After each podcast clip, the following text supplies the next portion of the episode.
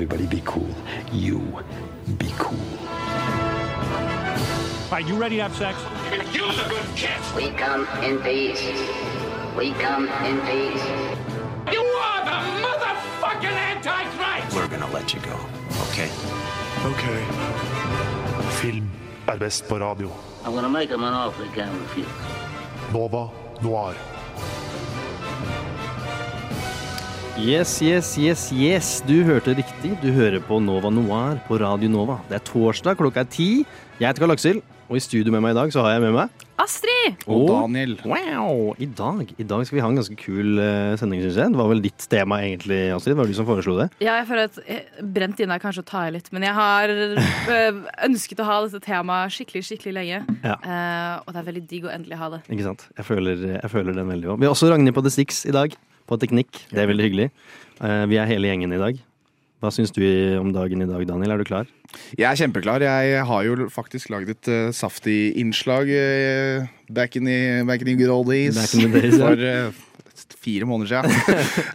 og, så jeg er også veldig gira på å snakke om uh, Safety-filmer. Altså, fordi det er så veldig mye å ta fra der. Og det er også liksom litt sånn fremtiden. Vi Mm. driver og ser på mye potensielle Oscar-vinnere og nominasjoner her. uh, Fordi det er det det, er det, det handler om. Det er det det handler om. Absolutt. Å bli- å vinne Oscar-priser. det er helt riktig. Yes. Ja, nei, vi skal, ha, vi skal ha litt forskjellig i dag. Vi skal vel egentlig prate i grunnen om de to vars, altså, hva skal man si, de to mest kommersielle filmene deres. Good Time og Anka Gems. Og skal vi også gå litt innom kortfilmene deres. Så dette blir gøy.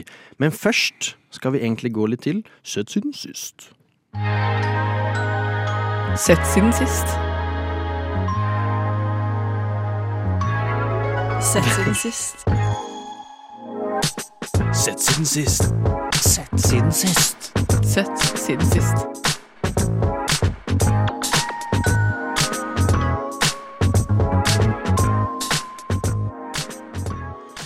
Jøss, jøss, jøss. Hva har du sett siden sist, Astrid? Eh, jeg har sett masse, for jeg har ikke vært her på veldig lenge. Så jeg har Mm. vært bortreist, så da må man jo laste ned masse ting for å ikke kjede seg på lange flyturer. Oi, hvor har du vært, eh, Astrid? Eh, Hva- Flex. Vært på Zanzibar. Oi! Yeah. Så jeg har vært sør for ekvator Ja, i to uker i 40 varmegrader, som var trivelig. Sett fisker og apekatter og hyggelige ting. Det er helt sjukt. Jeg la, kjøpte meg VPN. Eller jeg stjal VPN av en kompis fordi jeg måtte se eh, Exit sesong tre. Fordi du kan ikke se NRK. Er du seriøs, Astrid? Det er krise. Du er i Zanzibar, og du er sånn Jeg må, jeg må hjem nå, fordi Exit går på Er det så skamfullt at jeg Ja, er det. se sesong det er, det, det, Hater dere Exit? Jeg gjør det. Jeg gjør det. Det er, ikke så mye, det er ikke så mye det at jeg, hater det, men bare at er så, jeg syns det er så jævlig morsomt at du du er, du er i noen av de mest utrolige kantene av verden, liksom. Du er, jeg altså, bare kan bare drømme om å være i Zanzibar. Ikke sant? Så er det bare sånn Fy faen, å, nå har Exit kommet ut på NRK-TV. Jeg drømmer meg tilbake Kan til Bjørvika, liksom. Ja. Fy faen. Kalde, deilige Oslo som ser så fælt og kynisk ut. Men det jeg skulle si, uavhengig av deres mening den sesongen til fikk Daniel deg. fikk masse Nei, eh, jo, sesong tre fikk ganske mye ikke hat, men den Mm. ble veldig sånn eh, Ble sagt at den var veldig mye dårligere enn de to første sesongene. Ja. Som jeg er uenig i. Eh, men dere har jo da tydeligvis ikke sett det, fordi dere hater det. Så det er ikke noe poeng å diskutere det. jeg. Men jeg, jeg, jeg fikk også- bare opp den TikToken som er sånn derre Det er, Men jo, det er vel på stemme, TikToken. stemmen i hodet, da. Ja. Eneste jeg har fått. Det er vel stemmen i hodet da, som knekker deg til slutt. Men jeg har også sett eh, spontant, og det gjør jeg sånn fra tid til annen, får jeg ånden over meg. Jeg har sett alle Hunger Games-filmene Oh. på nytt. Eh, Ok. som, det, skal jeg også få hat for Ja. det? Hæ? Nei, jeg bare skulle si at det, jeg vurderte å se dem selv. Ja. Kom, kommer det ikke en ny en nå? Sett- Jo, eh, et eller annet Up in Flames. Ja, jeg så noe greier. Jo, det er en eh, prequel til han mm. Donald Sutherland sin karakter. Hva, jeg vet ikke hva Og det er veldig kul. Nå. President Snow. Ja, det er når han er kid eller noe. Ja. Nå blir det mjølka her. Altså. Nå blir det er mjølka. nå er det Men de er jo ikke dårlige filmer. De er. Ganske bra filmer, men um, for oss som har lest bøkene og elsket bøkene, så er det sånn Det er ikke det at filmene er så dårlige, men de har liksom gjort noen valg hvor jeg er sånn mm, Hvorfor Ja. I alle dager! Eh, Favorittscenen min ever i eh, Hunger Games er nummer én. Eh, altså den første filmen. Når eh, Pita er en baker, og så bare faen meg begraver han seg i noe gjørme. Og så ser du det Det som er så psycho lættis, er at det er, sånn han bare gjemmer seg ikke under noen ting. Han må liksom Han må male ansiktet sitt Ja, sånn ja, at han bare Han liksom ligger på en stein, og så har han bare malt ansiktet sånn at det er ser han- ut som steinen. Så har han et sår på beinet, så han, er jo, han holder nesten på å blø ut for blodforgiftning. Men likevel så er han sånn Jeg bruker åtte timer på å male meg til en stein, og så skal jeg ligge her. Det er så jævlig lættis. Ja, er Fordi han dekorerer kaker på bakeriet. Så han, det er hans ene ting han kan for å overleve. Jeg husker det, det, det er sånn gammelt meme med det òg. Det er Mm. den derre I volunteer as tribute! Bare slenge det på hva som helst. Det er Ja, morsomt. det var fin, den. Men hva har du sett siden sist, da, Daniel? Eh, beklager. Eh, jeg har sett eh, eh, Jeg har sett Succession. Det kom Mm. jo en ny episode ut nå i over i går. Eh, eller på mandag, rett og slett. Eh, det, var en, det er da sesong fire. Mm. Av første episode av sesong fire. Har, du, har noen av dere sett det? Nei, men jeg har sjukt lyst. Det er veldig anbefalt. Det er nok en av de Det er vel oppi noen av de beste dialogen og skrevet, ettersom at du Det er veldig kynisk businessmannsserie. Mm. Men du tenker på alt annet enn det. Det er veldig menneskelige, primale ting som skjer. ikke sant? Det er ikke Exit. Det er ikke Exit, med andre ord. og en annen ting som er veldig kult med det, er at uh, disse karakterene har blitt sånn De er på sånn Game of Thrones-nivå av sånn epic-ness nå. Sånn måten vi nesten ser på dem på. Men det som er utrolig gøy med eh, eh, sesong fire, er at eh, det har blitt så veldig parodiert. Fordi det har en veldig sånn, Hvis dere ser en sesong, så kommer dere til å skjønne veldig sånn greia. Du, vil, du får nesten lyst til å snakke sånn som dem selv. Og nå har det blitt så parodiert at eh, de, de er nesten som en parodi Det er så, det er så parodi av seg selv, da. Så sesong fire er bare blitt sånn jeg klarer nesten ikke å ta det seriøst nå, for at det har blitt så parodiert i, løpet av de siste tre-fire årene. Ja. Men det er veldig bra. Jeg anbefaler veldig å, alle å se sesong fire, og alt er eh, Succession egentlig er veldig bra skrevet. Hvor var det du sa. Succession lå? På HBO. Ja, HBO Max. Eh, ja, jeg har sett uh, ja. Hva med deg, Karl Aksel? Ja, takk. Sorry, jeg glemte Dere tenker på meg, det er hyggelig. Ja. Nei, jeg, eh, jeg har vært veldig sånn ikke fokusert på film og serie i det siste. Hatt mye skole. Men jeg, liksom, hvis jeg har sett på noe, så har jeg bare hatt noe i bakgrunnen. Så det har egentlig vært Better Call Saul. Er jeg på rewatchen nå. Er ikke det det beste i verden, eller? Jo, det er det. Altså, jeg, det er favorittserien min ever, jeg er ganske sikker på. Eh, Den er helt fantastisk. Jeg er på siste sesong nå, og den bare Den bare smelter seg så jævlig godt til på slutten her. Den er Åh, jeg bare elsker den. Den er helt Jeg og kompisen min rewatcha hele Breaking Bad fordi vi prøvde å se etter noe å se på. Ja. Og så var det bare um, Vi bare satte på piloten av Breaking Bad, Mm. og så var vi bare sånn Ja. Skal vi se episode to, eller? Og så Jeg hadde sett det én gang før da, til og med. Ja. Mm. Så jeg visste alt som skjedde. Men fy fader, det er, en, det er bare et gift, gift that keeps on giving. Ass. Ja, det det. og det. Better Call Saul er like bra. Jeg syns nesten, eh, etter min mening, synes jeg nesten Better Call Saul er bedre. Og det er veldig gøy, for at det, du, man kan bare finne helt sin egen ting i alle, begge to, Mm. syns jeg. Eh, så vi så liksom Rett etter vi så uh, Breaking Bad, så så vi også El Camino-filmen, den Netflix-filmen, som også er veldig veldig kul. Mm. Eh, men Better Call Saul er eh, blitt sånn den har, ikke, den har ikke fått så mye claim som man skulle tro. Nei. Sånn Breaking Bad bare eide TV i fem år, liksom. Mens uh, Better Call Saul har bare vært alltid always been there nå, virker det som. Mm. Nei, det er veldig sant. Nei, jeg synes uh, Den er jo veldig slow burn, så den, den tar jo litt tid å sette seg inn i. Men Ja. uh, Og vir virkelig, jeg, ser på, jeg så faktisk episode Jeg så halve sesong én nå, for ikke så veldig lenge siden. Mm. Og var sånn Ha, dette her tok litt lengre tid enn jeg husker hvor epic det, bli, eh, det blir til slutt. Ja. Men altså, altså Bob Odenkirk som uh, det er amazing. ja. Nei, han eier sitt, og eh, det er veldig, veldig verdt det. Du lytter til Radio Nova. Hell yeah! Da skal vi gå videre til litt filmnyheter, vi nå, da. Hva Ja. har du, Daniel? Eh, min filmnyhet i dag eh, er en relevant en. Mm. Eh, det er jo ikke sånn eh, Vi skal ikke liksom snakke så veldig mye gossip, tenkte jeg. For det føles alltid som at det er det vi gjør. Når vi, vi skal alltid være så jævla Vi skal slenge så mye med leppa. Sånn, eh, Rød løper i Ja, ja. Jeg har hørt. eh, nei, så eh, det, det, det var bare at eh, Asteroid City, den nyeste filmen til eh, Wes Anderson, mm. droppa et, eh, en plakat i, for liksom, et døgn siden, og så et par timer etter det så kom plutselig traileren. Ja. Og det er så gøy, for Wes Anderson sine trailere er sånn tre minutter lange.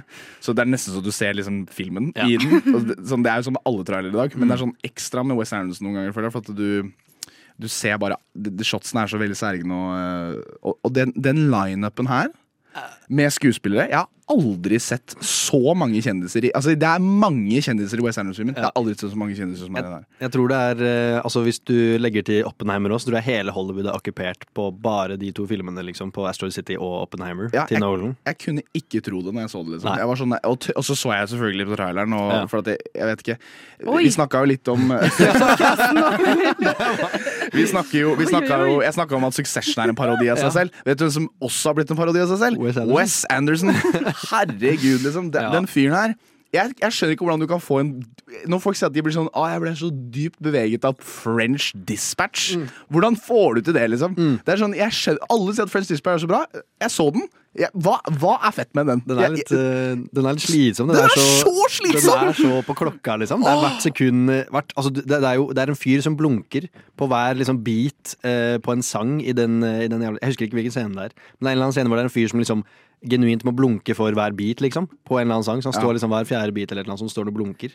Jeg blir gæren av den, den filmen. Tenk å, tenk å legge til noe så detaljert. Altså, sånn for eksempel Baby Driver, for eksempel, så ville det jo vært uh, forståelig. Men liksom The Friends Dispatch? Nei. jeg, jeg, min favorittfilm han er jo Grand Budapest Hotel, og Ja. det er 90% på grunn av eh, Ralph Fiennes, altså, altså hans karakter, og 10% for at Wes Anderson har lagd den. Liksom. Ja. Sånn, jeg, jeg føler den kunne blitt lagd på en annen måte, med Ja. han i hovedrollen. Og jeg hadde fortsatt digga han like mye. på en måte. Så den er Ja. Jeg vet ikke. Astro City kommer kanskje til å bli fett. Jeg vet ikke. Jeg så jo, jeg så jo traileren, og eh, du ser jo, ikke, du ser jo ikke halvparten av de skuespillerne på den rosteren her engang. Det er jo, eh, det er jo helt gærent. Jeg gleder meg til å se Tilda Swinton i den filmen her. Jeg tror eh, Ja, fordi hun har jo aldri vært med i en Wes Anderson-film før. Nei, Nei. det blir litt spennende. Og så, De snakker jo veldig mye om et alien hele tiden. Og Vi hadde en liten diskusjon i vår felleschat til Nova Noir eh, her om dagen på hvem som skal være alienet. Om det liksom blir Tilda Swinton eller Willem Dafoe. Ja, og, eller sånn, og, men så er det også bare sånn Matt Damon, Ja. eller noe sånn drit. Noe sånt der. Også, men det, som, det, det, det er kanskje det jeg likte mest med den. da Det Mm. som at det var sånn eh, Jeg likte um, uh, production-designet. Jeg, likte- sånn, jeg liker at det er sånn Roswell. Mm. Ja. Det står litt sånn, sånn Arizona med romvesener og sånn veldig veldig oransje uh, fargebalett. Det var kult. Mm. Ja. Jeg gleder meg veldig til den her, egentlig. Den ser veldig liksom leken ut. Altså, det, Jeg føler det er her, er- Men vi har den samtalen her annethvert år nå. Ja, det sånn her, har du sett nye trailere? Den er i Frank... Den er sånn, å, har du sett De har gjort dette her i sånn ti år nå. Det sånn. Alle trailerne ser sånn kule ut, og så setter jeg meg ned og ser på den, så blir jeg sånn Å ja, den varer i to timer og 40 minutter, og det er bare det her hele tida. Ja. Så ja. Nei, det, det blir veldig spennende å se, egentlig. Jeg, eh, du, har noe, du, du har rett i det med at man ser hele filmen når man har sett traileren. For jeg føler liksom jeg, jeg skjønner hele Ja. greia nå. Det er jo veldig, veldig mye sånn revelations. enkel sånn ting å si, på en måte men med han så føler jeg virkelig det. Altså. Mm. For det er sånn, man, man ser jo veldig mye av alt i trailer i dag, Ja. men sånn to minutter og 50 sekunder av Wes Anderson-trailer, det er mye trailer. Det er. Altså. jævla mye, ja. Nei, altså eh, for eksempel Tar-traileren, hvis dere så den. Nei, det jeg ikke. Nei, den, eh, ja, den er liksom veldig stemningsbasert. Det, det er liksom ikke noe sånn Du, kjenner, du vet jo ingenting om plottet, egentlig. Nei, nei, nei. Liksom, hun stormer en scene en gang. Er liksom, jeg har hørt om Tar i et halvt år for, jeg har fortsatt ikke skjønner hva Tar Ja. handler om i det hele tatt. Jeg klarte å få ut at hun er eh, dirigent. Og at hun er Det var liksom det, Eller komponist, er det kanskje. enormt Men, selvopptatt. ja, ja. ja. men ikke noe mer enn det. Det var en feberdrøm av en, Ja, men, men, av en det, er, trailer. det, er, det, er godt, det er godt adjektiv for den. Altså, eller beskrivelse. av Det, Mm. det syns jeg det er jo ikke ja, Men samme det. Faen, eh, I hvert fall så syns jeg det er en jævla god beskrivelse av en god trailer, for, for min del. Jeg liker liksom trailer hvor det er sånn du bare samler stemninga til filmen. Ja, Liksom ikke liksom hele jævla plottet, som kanskje Astrid City Jeg husker traileren til Good Time var veldig Ja. intens. Husker jeg. Den husker jeg veldig godt som en sånn derre Den her må jeg ta en titt på, ass. Mm. Det, så det er, det er definitivt trailere som gjør det bra, Mm. og dårlig. Det er helt sant. Det er min, eh, te, det min tese. veldig, veldig bra. Nei, men Supert. Vi skal egentlig hoppe litt uh, videre nå. Nå skal vi gå videre til uh, kanskje litt sånn introduksjon til uh, hele dette Safety-universet. da, og Se litt hva det dreier seg om. Nova Noir. Film på radio. Hver torsdag 10 til 12, eller i din podkast-app når som helst. Jepp, jepp, jepp, Jep, jepp, jepp. Da skal vi bevege oss litt til uh, Safety-universet. Litt, uh, litt videre med temaet vårt. Uh, hovedtema. Vi kan jo egentlig begynne litt med å kanskje introdusere Safety-brødrene, da. Eller uh, kanskje møtene våre med de. Når var det dere ble introdusert med de, Daniel? Sånn som mange andre Beklager. Så var det nok under promoteringen av Good Time. Mm. Og det var, som jeg nevnte, i en trailer hvor eh, A24 det mest største filmselskapet i verden. Eh, det var jo en av dems sånne storsatsinger på den tida. De hadde jo ikke lagd så mye merkverdig enda. De hadde Nei. hatt noen store releases, men med sånn The Witch og litt skumle greier og litt sånne ting. Eh, Så jeg fant den gjennom promotering av Good Time, og ikke minst for at det, det var sånn en Robert Pattinson-film hvor han løpte helt febrilsk rundt i byen og var helt sånn der, det så ut som en en helt psycho dag i livet hans, på en måte.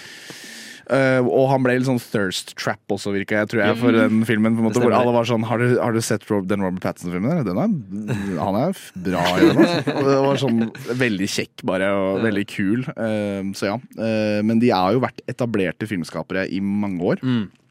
I New York. Det er jo, jeg vil si, det var litt det innslaget mitt handla om òg. At det, måten den bruker New York på Ja. i, i, i eh, filmografien Ja, ja, sin. Veldig, Det er som sagt litt sånn som i, eh, jeg nevnte i Taxi Driver, og sånn, så, så depikter dem New York som en karakter. Som en levende, pustende karakter som fins, på en måte. Eh, og eh, uten tvil eh, gjør det på en helt særegen måte. Eh, så de har jo laget film i nærmere 20 år nå, Ja. som er ganske kult. Hva med deg, Astrid? Mitt første, Jeg hadde ikke aldri hørt om dem eller om noen av filmene deres før. Jeg hadde aldri sett noen trailer heller. Men jeg data en fyr for noen år siden. Og så, Han er også superfilminteressert. Og så satte han meg ned i sofaen en dag og var sånn Nå skal jeg vise deg favorittfilmen min. Og det var Good Time. Og jeg var sånn Det hjelper liksom ikke saken med sånn filmbro. Nei, men han er det også. det var så gøy. Er sånn, jeg har sett den beste filmen i Ja. verden. Han var sånn Men den er ganske intens og rar, altså så det er mulig at Prepare yourself. Det, det kan hende vi må pause den et par Ja. ganger. Gir deg en pute og en sjokolademelk, liksom. Gjør deg klar. Men, men han var sånn Men den er skikkelig, skikkelig kul.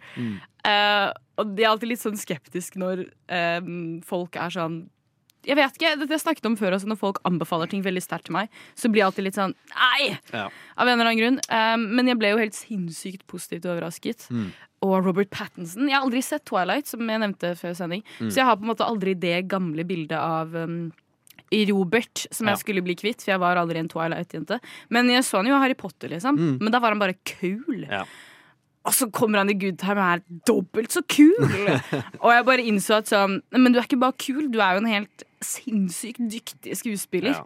Um, så jeg vet ikke, jeg- altså, Den var så annerledes. Den, var så, den bryter jo skikkelig. Det er jo Uncut Gem, som vi også skal snakke om. Det er apropos feberdrøm, liksom. Jeg, jeg tror intense filmer. Ja, Ja. uten tvil. Det er, Det er eh, ikke sånn vanlig dramaturgi på noen som helst måte. Nei, og de, det kommer vi til å se mye av, tror jeg, i de uh, kortfilmene og nærmere på Good Time og Uncut Gems, er jo hvordan de jobber med kamera, hvordan de Ja. jobber med klipp, hvordan de jobber med dialog. Det er jo veldig særegent. Mm. Det er veldig kult at de liksom har funnet stilen sin veldig, i hvert fall i, når man ser på liksom hele jeg holdt på å si diskografien deres, men eh, filmografien deres liksom på hele eh, Ja, på alle filmene, da. Eh, så har de jo en veldig gjenkjennbar stil. Det er jo veldig lett å se når det, det er de som har lagd eh, filmen, på en måte. Som er veldig, veldig kult. Ja, og liksom Apropos dette at det går så, alt går så forbanna fort hele tiden. Og det er liksom, det er aldri noen som får snakke ferdig dialogen sin. på en måte Jeg føler at det er veldig sånn splittende. Enten så syns du det er dritkult, eller så syns du bare det er slitsomt. Så klarer du på en måte ikke å sette pris på det som er bra og kult ved filmen. Så jeg Ja. prøvde å vise Uncut Gems til pappa. Og han var sånn Nei! Nei, det, det blir for mye, tror jeg. Ja, Det ble altfor mye Ja, for han. og er- så hatet han slutten. Da. Ja. sånn, det syns jeg ikke noe om. Jeg tror, jeg tror de høster virkelig det de har sådd i løpet av de siste 10-15 årene av filmografien sin. For at, um, nå som, Vi skal snakke mer om det, men de, de kortfilmene det, Dere ser jo tegn til en, en, en stil her, en visuell og for, eh, dramaturgisk stil som Ja. de egentlig bare går fullt ut med i, eh, i, i, i de filmene de holder på med. Og um, jeg tror de virkelig har jobba De har virkelig bare jobba trial and error og eh, prøvet og feilet og funnet en sånn helt sånn særegen stil eh, som er en sånn levende, pustende stemme av et sånt også et sånt kultur og et samfunn som vi har veldig lite forhold til, på en måte. Ja, det og det er jo det at når jeg ser på Good Time, så føler jeg meg som en Føler meg liksom litt som en New Yorker, plutselig. Sånn der, man blir sånn Ja, faen, kanskje jeg er litt New Yorker, jeg òg. Kanskje jeg, kan, jeg kan gjøre det der. Jeg kan, jeg, kan, jeg kan slenge litt med leppa og klikke litt på folk og sånn. Så blir det jo egentlig sånn Jeg hadde, jeg hadde tålt e- ett øyeblikk av dette her, kanskje, og så måtte jeg ha dratt hjem og gråtet, liksom, for at det hadde vært så slitsomt. Men sånn, det, det er jo det som er så kult med filmene deres, at de, de, de, de, I hvert fall når det er gøy å finne det i disse kortfilmene, fordi du ser en tydelig progresjon som filmskapere. Da. Og det er noe man kan, i hvert fall yngre filmskapere kan relatere seg til, tror jeg. Det er absolutt sant. Og on that note så skal vi egentlig hoppe litt videre til første kortfilm, nemlig There's Nothing You Can Do.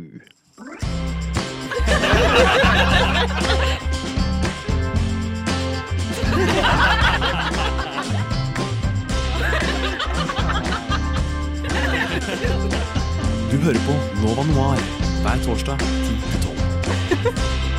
Hver torsdag 10 til 12.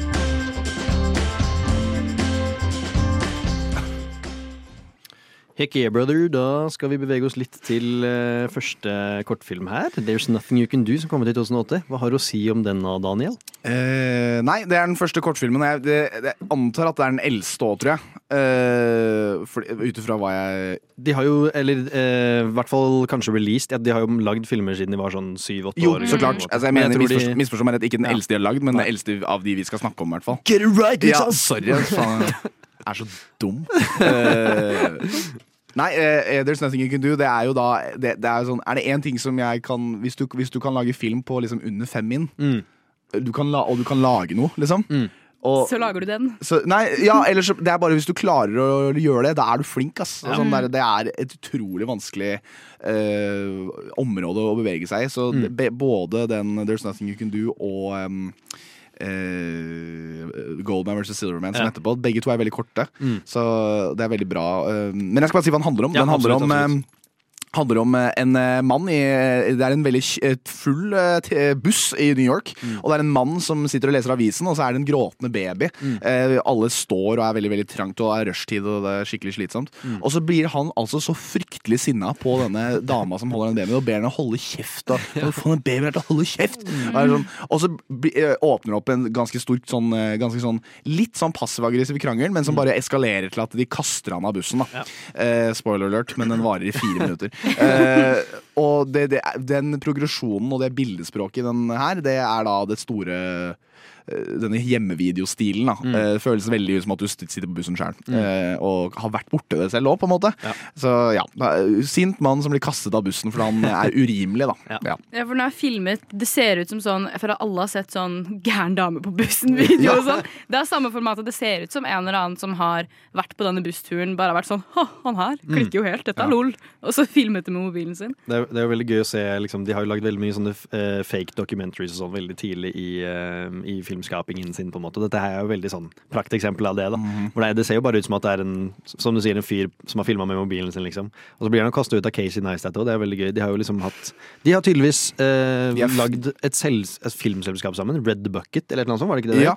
Uh, Casey Neistat har også uh, De har felles venner Casey Neistat er en YouTube-vlogger, forresten. Ja. Ja. De som ikke vet hvem det er. Veldig kjent, stor YouTube-vlogger med sånn Ja. 20 millioner subscribers nå. Men, uh, og han har jo laget film i mange år, og han er med i denne filmen. Han er, han er en, en av de som kaster han av bussen.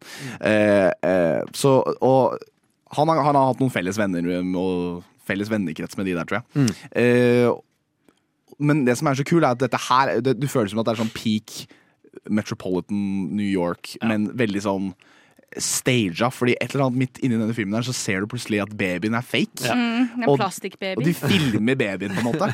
Og da blir det sånn Og så ser du at casten Det er bare sånn fire cast members eller noe. Så da blir det sånn Var dette et sånt lite stykke inni en ekte buss? Og det, er sånn, det, det tror jeg 100 er. Ja. Jeg tror de har gått inn på en buss, tatt med kamera, hatt med seg sånn fem stykker som skal liksom bare si sånn Hei, du kan ikke si sånn. Tatt med seg hun dama her.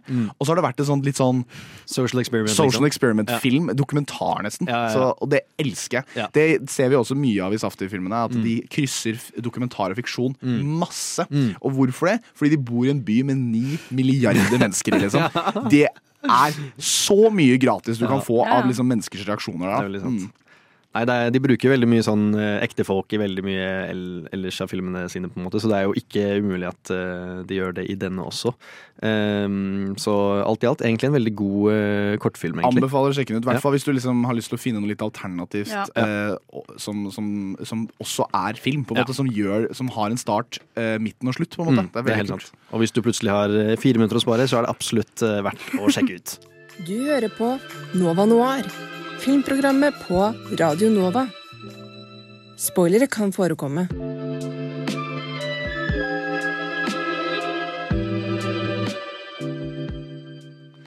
Absolutt. Dere ble nettopp advart. Eh, vi kan spoile litt eh, greier. Eh, det kan godt hende. Men nå skal vi gå videre til Good Time.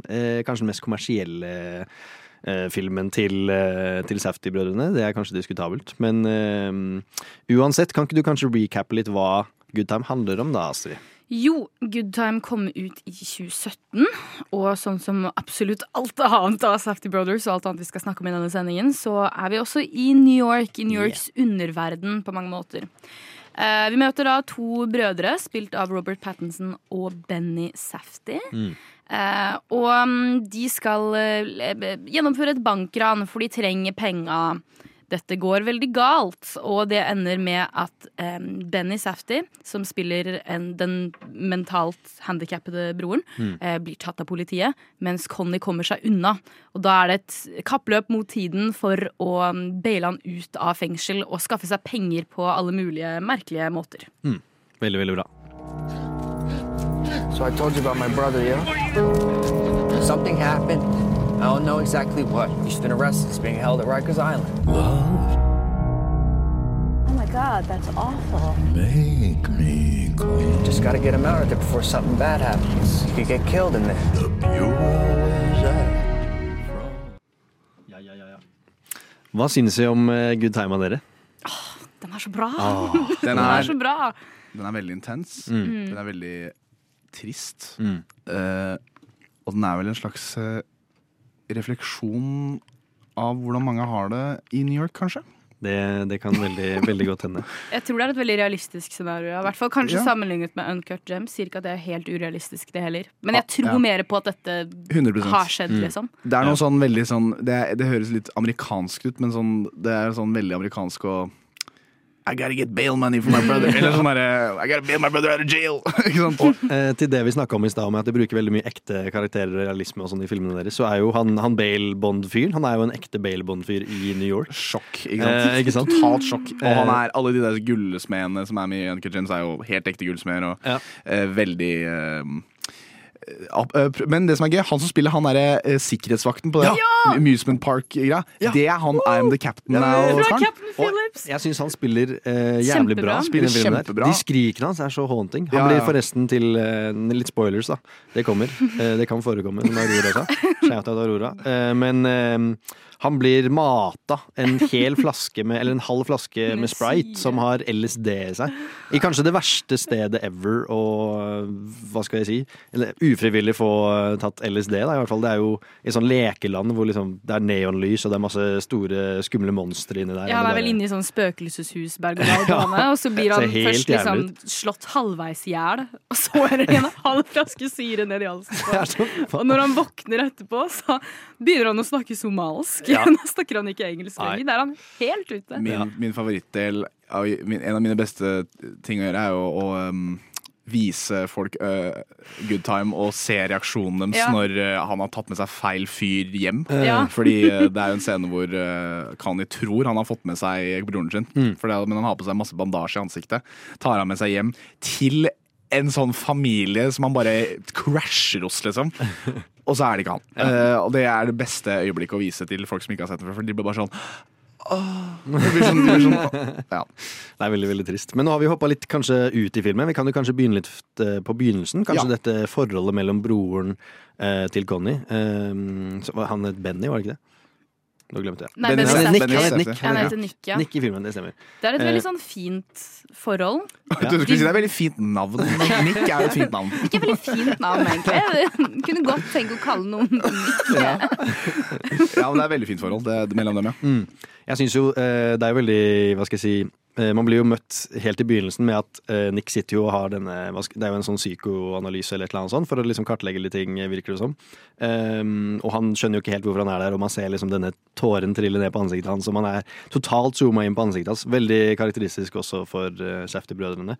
Eh, og det er kanskje litt mer sånn jeg, jeg, jeg vet ikke om det er handheld eller ikke der. Jeg tror Det er eh, Det virker som, som at det er ganske steady zoom på det. da, i hvert fall. ja. De er veldig glad i med, med zoom med objektivene sine. Ja, ikke? Altså, og de har jo disse her store sånn skannende bildene av byen, hvor, de får, hvor de fokuserer på ett ett objekt. Det er Det er sånn at De har liksom har eh, mappa et objekt og bare øh, liksom fokusert på det objektet i bevegelse. da Veldig kult. En ting med det er at eh, i både i Unca Gems og i Good Time så er det sikkert sånn totalt 20 shots eller noe, at bare noen trykker på en knapp. Ja. Sånn at du bare du, du ser på knappen, og så bare går, går liksom fingeren inn mot å trykke på knappen. For eksempel i Anka Jem så bruker du den døren, og så i, i Good Time så bruker du heisen flere ganger. eh, og det skjer jo hele tiden.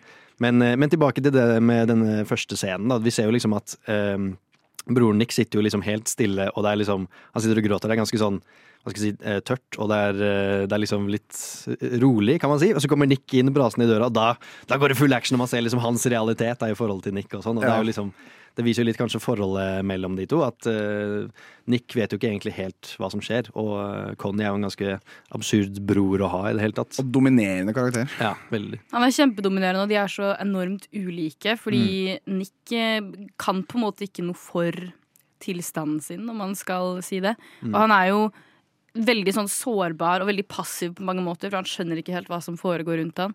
Og så har han en bror, jeg tror Conny innerst inne egentlig bare vil broren sin veldig, veldig godt. Ja. Men så har han på en måte ingen moral som hjelper ham å ta riktige valg mm, for å være et godt menneske mens han vil broren sin godt. Men Mm. så er det også spennende fordi de Vi får ikke vite sånn altfor mye om bakgrunnen Nei. deres.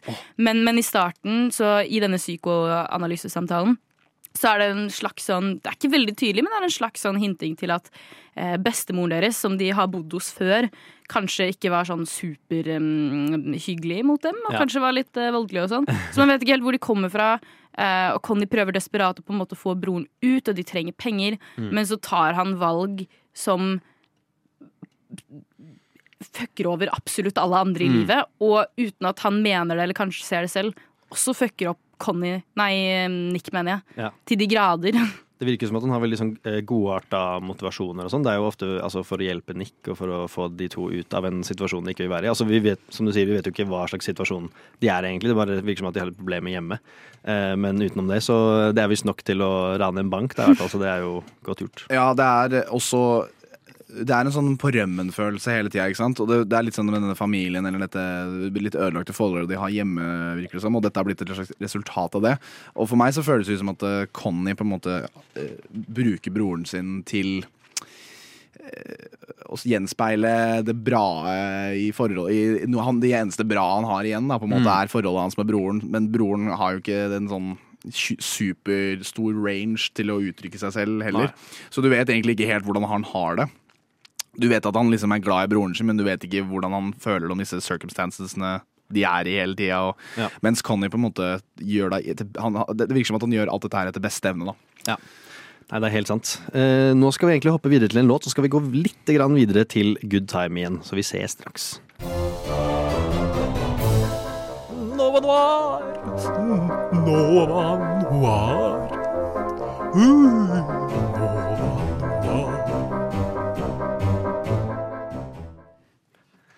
Jepp. Da var vi tilbake til Good Time igjen. Wow, for en film. Wow. Jeg tror det er ganske åpenbart at vi er, vi er alle veldig glad i den filmen. her Vi syns den er veldig veldig fin. Gjør vi ikke det? Eller bra, i hvert fall. kanskje ikke sånn kjempe Den er jo ikke noe hyggelig å se på. Nei, men apropos uh, fin, den er forbanna pen. Det- ja. Ja. Rent visuelt. Og det er, sånn, det er så kult bruken av lys. Det er masse Mm. sånn rosa farger i den.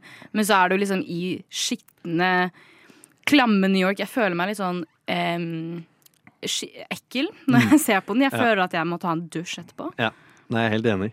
En av mine, en av mine favorittscener i den filmen her i det hele tatt er når han Ray eh, våkner opp inne på rommet til eh, den random dama de bare Ja. inn på. Som også også lager meth, bare for å skyte inn med det. Her gjør hun? Ja, Har du ikke sett når han åpner kjøleskapet, så er det masse mm, sånne krukker med gjærede ting. Er ikke det bare henne som Er, er det meth? Det var psycho det faktisk Jeg trodde det var det. Jeg Nei. at hun eh, Og så er det jo på komfyren så er det masse Skal du ødelegge Ikke av- ødelegg gleden! Nå er det kanskje Nei, Er det ikke Nei, bare, Er det ikke bare, jeg, jeg trodde det var liksom eh, enkelte syltede, assorterte grønnsaker. du er, så, du er så uskyldig, Daniel. Men det er jo Ja. masse kjemikalier og sånn eh, totalt- aluminiumsfoliepanner på Nå, kjøkkenet. nå blir det en sånn spin-off-serie. nå side... Ja. Nå, nå blir det spin-off-serie av eh, hun, eh, hun dama Nei, men ok, hun lager mest. Sorry, jeg, jeg, jeg skal ikke ja. Men i hvert fall når, de, når han våkner, og så bare er det, det er sånn psyko-blått lys på trynet hans, og bare trynet hans er så teksturt og sånn, og, du bare, og Robert Pattinson er helt rød i trynet, og du ser liksom egentlig bare skyggen av dem, på en måte. Men du ser liksom teksturen i trynet og det blå lyset som bare eh, eh, reflekterer på Ray. Jeg skulle psycho. si, Det var det jeg skulle nevne også, bare at Ja. den, det, det er nok min favorittsekvens i hele filmen, Ja. tror jeg. Eh, er den Fordi det er som en skrekkfilmscene. Mm. Det er sånn, og, og hun er sånn You gotta turn the TV on, the, the light don't work. Mm. så det er den eneste lyskilden var. Det er sånn fluorescent lys. Ja. Uh, og um, det, det, ja, som det, når hun åpner det der kjøleskapet, og det er sånn gult, grønt Det ser så ekkelt er ut der helt inne. forferdelig. liksom. Ja. Det ser ut som sånn ut av noe som Guillermo del Toro kunne laget. det. Det er sånn fælt lys. Eh, så Men ja, det er utrolig cinematografi gjennom hele, uten tvil. Jeg syns også den, eh, den scenen hvor vi liksom, hva skal man si, blir litt bedre kjent med Ray i bilen. Når man liksom går gjennom hele dagen hans og bare er innser hvor kult. håpløs han er. Ja, også jeg bare digger sånn- den scenen så jævlig. Og det, tar he det, er sånn, det er så gøy å liksom sånn, den har, Det er også en montasjesekvens i denne filmen. der Mhm. som er, Det føles som at det er liksom sånn der cheesy, og det, det passer ikke inn her, eller noe. Men det passer så jævlig inn! Ja, det funker faktisk. kjempebra. Det, altså det kan, det kan jo, man kan jo si litt om pacingen da, i det hele tatt i Good Time. Den er jo bare helt fantastisk. Og sånn, hvordan screenplay fungerer i det hele tatt. Det er bare sånn, ok, de raner en bank, og så plutselig, så når de sitter i en taxi, så kommer den rødmalingen ut på disse markerte sedlene og sånn. Mhm. Så det ødelegger jo hele planen deres, så de må bare fortsette videre. Og så fordi de fortsetter videre, så skjer X, og så fordi X skjer, så skjer Y. Alt har fordi, en konsekvens av den forrige Ja, handlingen. på en måte Og det er så sykt jævlig bra skrevet. Og det er også bare pacingen i den. Åh, det er helt fantastisk. Ja, Jeg kribler i beina. Jeg. Hvorfor tror du den heter Good Time? For det er ikke en good time i det hele tatt. Fordi Uncut Gems he- ja, skjønner man hvorfor det Ja, heter ja. Uncut Gems. Men Good Time Jeg husker når jeg, når jeg, jeg stussa veldig over den tittelen. Ikke for at jeg ikke liker den, jeg syns det er en fantastisk tittel. Mm. Jeg bare prøver å forstå hva som Ja, er hvorfor? good time med hva, Det er jo ikke good time. Det er ingen good time i den filmen. Nei. Det Er, er, det, det, er det det jo- som er kanskje grunnen Ray har jo en good time før han kommer på sykehuset. Ja, fordi det er han, en eh, Rays bakhistorie, i denne montasjen vi snakket om, er jo at han uh, Han har også vært i fengsel, Uh, og så kommer han ut av fengsel, han er på parole, og så er han bare sånn nå skal, jeg bare, nå skal jeg bare ruse meg her Jeg får en så- måned, liksom. Jeg får så vondt av han. altså. Ja, han, han. Er- ødelegger altså, han, han bare tar sånn- liksom Først bruker han de få kronene han har igjen på liksom whisky.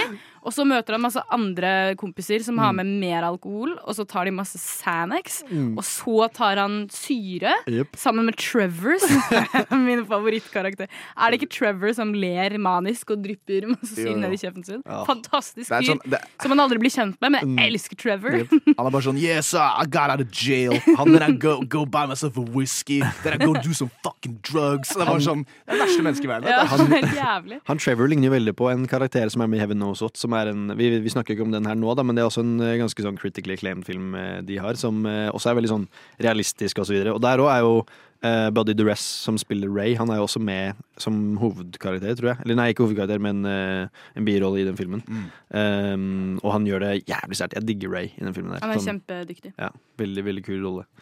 Men sånn oppsummeringsmessig, i hvert fall, så vi liker vel den filmen her, gjør vi ikke det? Det er en utrolig fin eh, sånn eh, kommersiell debut, vil jeg si. Mm. Jeg ikke at det er, den er jo ikke det. Jeg vet, det er sikkert, mm, den hevden og SWAT var sikkert mye mer populær enn det jeg gir den credit for. Ja. Men vi snakker om den, veldig mange andre snakker om den enda. Det er nok grunn til å liksom Den er er ti av ti. Mm, jeg føler at den er veldig sær i forhold til alt det andre du ser ja. i film. Det er derfor det, det er en sykt sånn Safety Brothers-film. Mm. Men den er ikke så eh, mye at du kanskje blir redd for den. Mm. Uncut Gems tror jeg kan dytte veldig mange folk vekk hvis det er det første du ser. Den, den var med i det ene programmet, det der alternative programmet til uh, Kampfestival. Det er nok der Ja. den virkelig fikk traction. Ja, ja, stor traction. Den var med i den Uncertain Mm. Regard-kategorien i Cannes. Ja. Så. Nei, den er vanvittig bra. Du Du Du hø hører På- på Radio Nova. Yeah! Ok, da skal vi bevege oss videre til neste kortfilm. Den heter The Black Balloon. Gjett hvem den er lagd av. Det er Safety Brothers. Serr? Wow. Wow. Du fikk ikke tid til å gjette engang. Nei, Digger du kom meg kjøpet digger de gutta der, ass. Dette er eh, den lengste av de tre kortfilmene vi skal snakke om. Mm. De andre varer jo sånn tre og seks minutter. Den Ja. varer i hele 20. Um, og den handler da, uh, kommet i 2012 forresten, um, åpner med at en mann som holder en bukett, om du vil, med masse, masse ballonger, skal lede en dritsvær gruppe med barn over veien. Litt uvisst hvorfor. Jeg tolket det kanskje som at de skulle i bursdag eller noe sånt. Mm. I don't know. Uh, strever enormt med å få disse kidsa over veien. Vi er igjen i New York, så trafikken er helt crazy. Uh, og da mister han til slutt grepet på ballongene, og så stiger alle disse heliumballongene i masse forskjellige farger opp i lufta. Og blant alle disse fargerike ballongene så er det én sort ballong um, som på en måte dør og kommer til live, for denne ballongen lever, på en måte. Um, vi ser den igjen på en sånn søppeldynge, der man skulle tro den hadde sprukket. Det har den ikke. Eh, og så følger vi denne svarte ballongen gjennom New York når den flyter gjennom byen og bare møter på masse forskjellige mennesker. Uh, og jeg leste deres sånn beskrivelse av filmen. Der står det at ballongen lærer at mennesker er ekstremt komplekse vesener med fantastiske oppturer og dype, dype nedturer. Som jeg syns er en ganske bra beskrivelse. Og så En annen fun fact jeg kom på um, mens vi uh, hørte på låt her, er at um, denne filmen er, var egentlig ment fra Safety Brothers å være en barnefilm. Det skulle være en sånn typ, kanskje sånn livslekse for barn, jeg vet ikke helt. Men, men så begynte de å tukle med den, og så innså de på et tidspunkt at kanskje det ikke er så veldig barnevennlig lenger. Nei. Så nå er det en slags sånn veldig kul sci-fi-type Ikke sci-fi. Ja, kul, veldig safty film. Mm. Det er sant. Safari. Saffa deg. skjedde- hva skjedde der? Safari. Safari. Jeg syns det åpning, eller det shotet med de ballongene som blir uh, sluppet ut Ja, i det fri. Veldig, veldig pent. Mm. Og det er, det er gjennomgående. Det, altså, og så plutselig så har de et annet, eh, en annen vinkel hvor de står oppå en bygning og bare følger de liksom sakte rise opp. Og så så enkelt. Ja, kjempeenkelt. Ballonger på blå himmel, liksom. Bare skulle ikke tro at det var så pent. Det er et veldig godt kjennetegn av liksom, kortfilmene til Safety-brødrene. At disse filmene er jo, må jo ha vært kjempelette å lage. Og det, Ja. altså, eller, men de er fortsatt så, så gode, liksom. De er, Ja, de, kjempegode Altså, eller- effekt, effektfulle. Ok, En ting skal sies da om The Black Balloon, er jo at uh, det er noen scener hvor jeg bare lurer på hvordan faen har de klart å få den ballongen Ja. til å bare gjøre som de vil. I de gatene, og det er, sånn, det, det er jo de beste scenene her, er de der som er åpenbart eh, skjult kamera. Hvor det er bare folk som er sånn Fuck it. Ballongen er i veien, ass. Blir sånn, Ja. De blir sånn tydelig sånn preget at det er sånn Kan den dri, kan drite i, eller? Eh, ja, det- Jeg skjønner ikke hvordan det er mulig. Jeg, jeg, jeg tror det er sånn her radiostyrt bil eller noe. Ja, ja, ja. Fordi de, driver, de, de er filmer jo bare liksom toppen av den hele tida. Ja. Så jeg var sånn her, det er noen som driver og ru- ruller den av gårde eller noe. Ja, og særlig en av de siste scenene når denne ballongen har fulgt eh, en far, som vi kommer tilbake til senere. Eh, og denne ballongen som sagt, den lever jo litt. Og så har det bare vært total devastation for han. Det, det skjer noe veldig trist mellom han og hans sønn, og så går han eh, vekk. Og ballongen følger etter han. Og han har jo gitt slipp på ballongen for lenge siden, så han holder ikke fast i den. Men ballongen følger etter han, hakk i hæl. Og så snur han, han blir også irritert, og så snur han seg til ballongen og liksom holder den og ser på den her sånn You stay here! You stay here! Og da blir ballongen når han går. Ja. Wow! For en, for en scene. Men eh, du har jo snakket litt tidligere Daniel, om at eh, hva skal man si, Safety-brødrene liker å fange opp eh, viben av, eh, av New York. Kan du si, hva kan du si eh, dette med denne kortfilmen, da? Nei, altså det som, lik, det som er, det er et veldig effektfullt grep de gjør der, synes jeg, det er at de tar et objekt som på en måte vi ikke har kontroll over. Som også du ikke heller um, trenger å den, den trenger ikke å justify helt dens handlinger. For at det er en ballong, den bare drifter av gårde. Og hvor, det, er, så- det er så veldig genialt grep å bare ta deg til uh, parts of known i New York. ikke sant? Og New York er jo, et, øh, er jo en melting pot. Så du, det det er jo liksom det, Er det én ting de filmene her fokuserer på hele tida, er jo at det er så veldig mange forskjellige mennesker i de byene her. Ja. Så det at de slipper deg da i den mest sånn klisjé, sånn businessy sånn Yeah, you gotta go in there, you gotta tell me what you gotta I, I made you Sånn det er helt sånn derre You owe me, you fucking owe me, ikke sant? You were nothing when I started in here. Det er sånn helt sånn kjempe Det er sånn typisk. Og så sånn, når jeg så det, så var jeg sånn OK, nå skal, det, nå skal de snakke i fem minutter, om, og jeg kommer ikke til å skjønne en dritt av hva de snakker om. For at jeg er bare sånn blitt droppa inn der. Men så skjer det noe veldig kult med den ballongen. Det digga jeg. Det synes jeg var fantastisk At de, den ballongen bare eh, blir eh, en del av deres liv. Og den fortsetter da Og så- og så tar den deg til forskjellige steder og forskjellige ting til mennesker du aldri ville trodd du ville hengt med ellers. Og det er det hvordan New York eh, depiktes. Det depiktes som bare at du Litt sånn eh, eh, bokstavelig slice of life, uten at selv om jeg hater å bruke det termet, så er det litt det. Det er bare sånn La meg slippe en, kaste en stein og se hvor den havner, og de menneskene skal jeg henge med nå, Ja, liksom. ja. Ja. Det er hardt. Og så syns jeg ballongen som sånn symbol også er veldig kult, fordi ballong er generelt noe som gjør folk veldig glad. Det er sånn man har ved festlige Ja. ting og sånn. Ofte noe man gir til barn.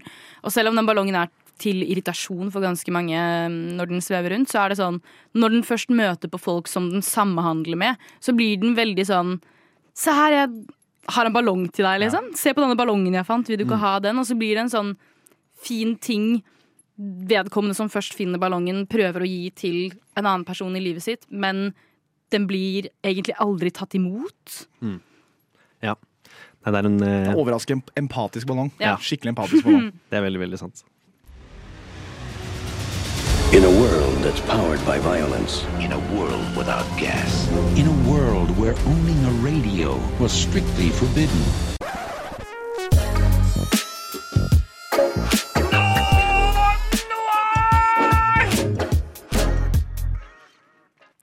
Yes, oh yes. Da var vi på andre big movie av uh, The Safety Brothers. Og dette er Uncut Gems vi skal prate om nå. Uh, hva synes vi om den da, folkens? Nei, uh, Uncut Gems er jo en utrolig thrill ride nok en gang. Bare tar egentlig good time-viben til, til det neste levelet, på en måte. Mm. Den handler jo om gullsmeden og diamanthandleren Howard Ratner. Eller Howie, som han blir kalt hele tida. Eh, og eh, handler om at han er på en måte nettopp fått tak i en sånn opal eh, som er eh, åpenbart det er noe mer til. For at eh, en dag da så kommer eh, famous NBA basketball player Kevin Garnett kommer da inn og skal ta en titt på denne opalen, og sier da at 'jeg må ha denne opalen'. og dette her er jo da en, en et stein som han skal selge for mange tusen eller millioner av dollar, tror jeg. Eh, og er helt sånn blir obsess med den, og så blir egentlig hele filmen en, en reise om å få denne jækla opalen tilbake. Så veldig lik, egentlig. Litt sånn i formen uh, til Good Time. Eh, handler om at uh, Veldig enkelt utgangspunkt, egentlig. Men så skjer det jo veldig mange intriger på vei til denne liksom dette gjøremålet. Mest skapt av ting, krafter han ikke har noe kontroll over. Ja, det er helt sant. I want the Celtics to cover. I want the Celtics halftime. I want Garnett points and rebounds. What do you know? I don't know. I just know.